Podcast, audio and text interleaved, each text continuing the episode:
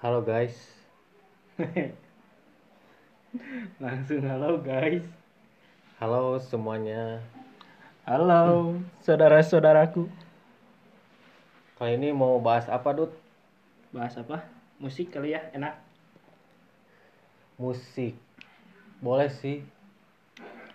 Tapi kalau bahas musik, kira-kira lu punya favorit gak sih atau list gitu tentang judul-judul lagu, misalkan lagi di jalan atau di mana?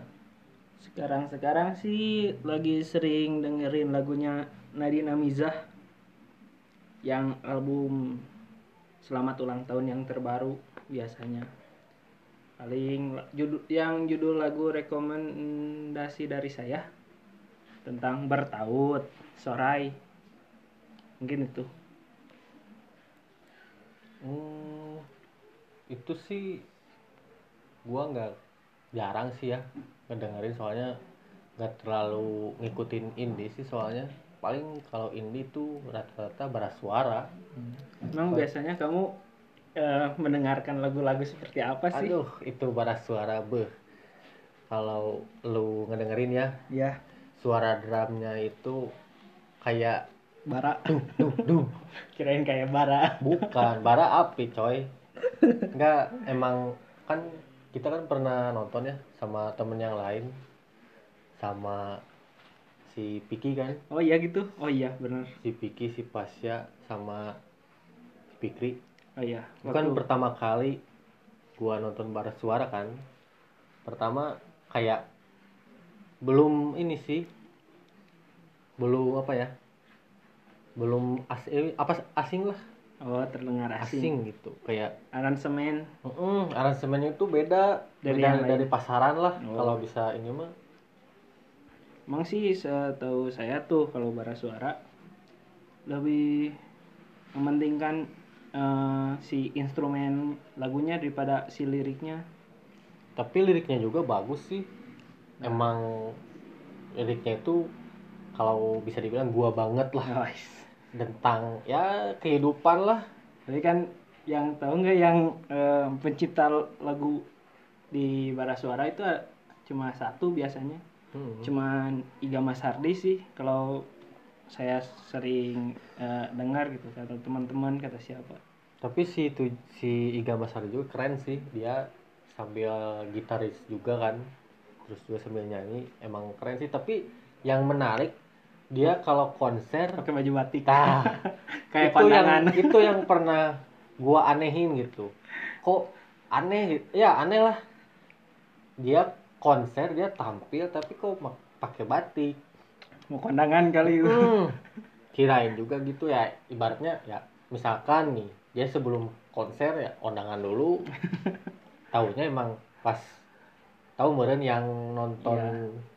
Podcastnya Soleh Solihun sama Iya, iya. dia dia bilang kenapa pakai baju batik? Karena ya budaya Indonesia juga terus menciptakan apa ya kayak Branding. branding terbaru lah apa gaya terbaru. Untuk di Hmm, selain di segi musik ya, hmm, tapi tentang daripada personalnya. daripada pakai baju batiknya. Hanya kondangan gitu. Kan mainstream Nah. mending pakai konser juga biar orang-orang pun terutama fans bara suara datang dengan pakai baju batik tanpa ada rasa malu Oke. Lebih mencintai budaya. hmm betul tah itu yang gua suka sih dari bara suara salah satunya Nah, selain bara suara nih, biasanya dengerin lagu apa lagi sih kalau eh, akhir-akhir ini? Kalau air-air ini Lagu Rizky Febian, aduh itu mah lagu bucin banget lah. Trilogi, iya trilogi. Hanya selalu benar. soalnya keren sih kalau bukan hanya tentang bucin ya dari dia mengkonsep lagu trilogi gitu. Jadi menyambung lah ada satu lagu kan dimulai dari mantra mantra cinta yang itu dia lah buat tentang cara dia PDKT lah istilahnya gitu kan. Terus cuek ketika dia ketika udah dapet dapet pacar pacarnya itu seolah dia cuek gitu. Padahal itu dia sebuah per, apa ya bikin sebuah kejutan lah. Perumpamaan tapi dia dia tidak bisa mengungkapkan sebuah perasaan setiap hari. Hanya di satu momen atau satu saat.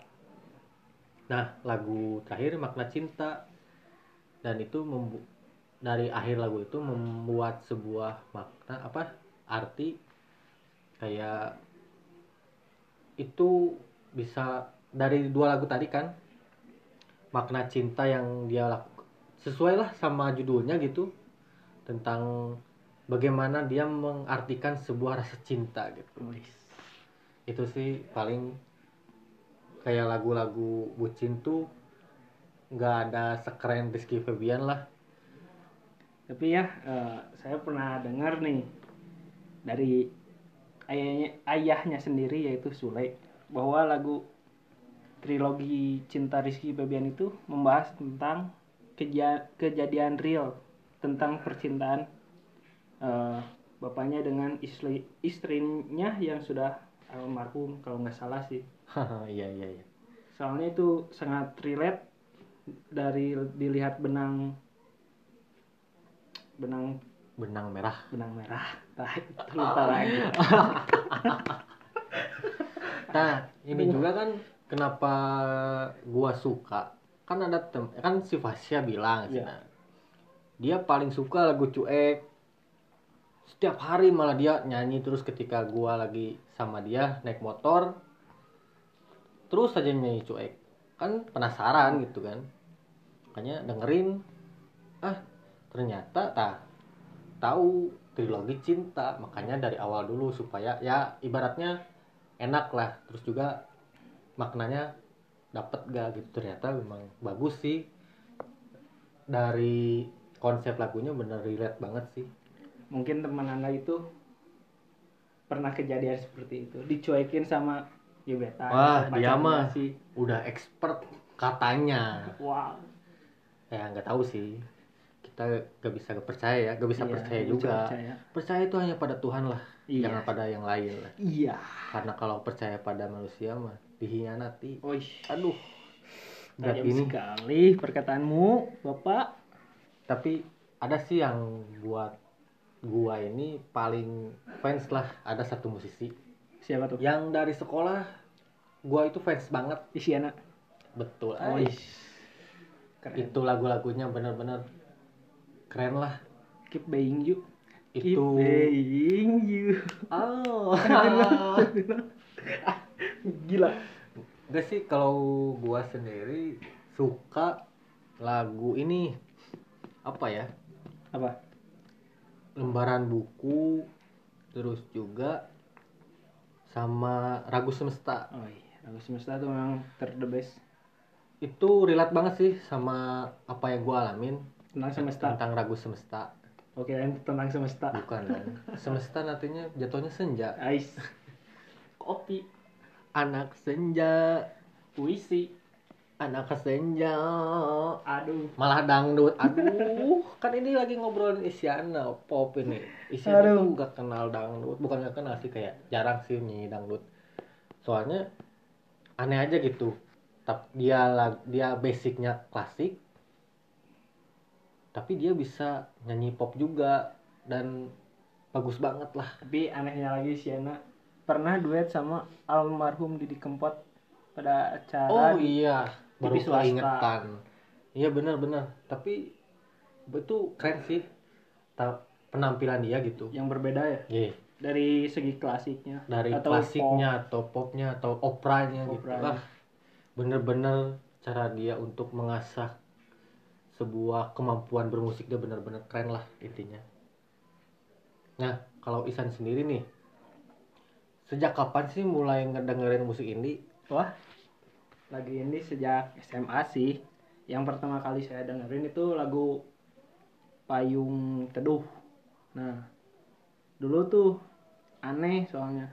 Ini kok lagu kayak gini memang ada yang dengerin ya emang sih cuma kan instrumennya yang berbeda dibandingkan lagu pop pop pada biasanya kan ini lebih ke pop Mm-mm. tapi Nah. itu sih keren ada satu judul untuk perempuan yang sedang dalam pelukan Nah, itu yang pertama saya kali dengar lagu indie. Dan setelah itu, setelah Payung Teduh, saya eh, mendengarkan juga sambil nonton konser pertama kali saya yaitu Wet Shoes and Couples Company di mana tuh di waktu ada acara di Taruna Bakti di Bandung. Hmm. oh iya ya di yang di Jalan Riau itu ya Ya, Tarbak. Nah, di situ saya mulai suka tuh tentang White Shoes. Soalnya instrumen yang berbeda dengan suara vokalis wanita yang sangat indah gitu. Dengan lagu Senandung Maaf ataupun dari selatan kota Jakarta tuh emang paling the best sih untuk didengerin malam hari sebelum tidur dengerin waktu senja wah senja. Emang cakep emang tuh. keren sih senja cuman kalaupun sesaat tapi Iya. eh jadi pemandangan atau view-nya itu keren sih. Emang senja is the best lah. Tapi jangan lupa kopi buku dan buat puisi. Jangan lupa garpit yes itu paling penting garpit ya. Garpit is the Kalau- best. kopi tidak ada garpit wah. seperti aku tanpa dirimu. Wish. Seperti ambulan tanpa ban. Bukan. Ui, ui, ui. oh ui ui Ui, ui. Nah, paling segitu ya. Iya. Tentang obrolan musik kita berdua. Kita sharing-sharing begini ya buat seru-seruan seruan-seruan aja sih walaupun agak nyelau ya. iya sih Malum lah kita lagi gabut gabut gitu mau ngapain daripada nongkrong-nongkrong gak jelas mending kita berkarya berkarya dengan biar sepenuh hati biar disebut konten kreator lah. Wish. Kan Biar- kalau ditanya sama orang-orang lu kerja apa? Konten kreator. Jadi kalau disebut sama orang-orang, lu nggak kerja pengangguran? Bukan. Emang kerjanya konten kreator. Wah iya dong. Itu memang relate banget untuk zaman sekarang lah Iya pokoknya. Segitu aja paling Oke. see you. Gen. Eh, iya jangan lupa Jangan lupa kalau apa? misalkan kalian lapar di saat sarapan, waktu sarapan kalian gak punya makanan, kalian pesan aja nasi kuning Ibu Yun untuk orang Bandung bisa pesan di GoFood. Ada tertera ya. Oke, see you. Terima kasih. Bye bye. sama-sama. Bye.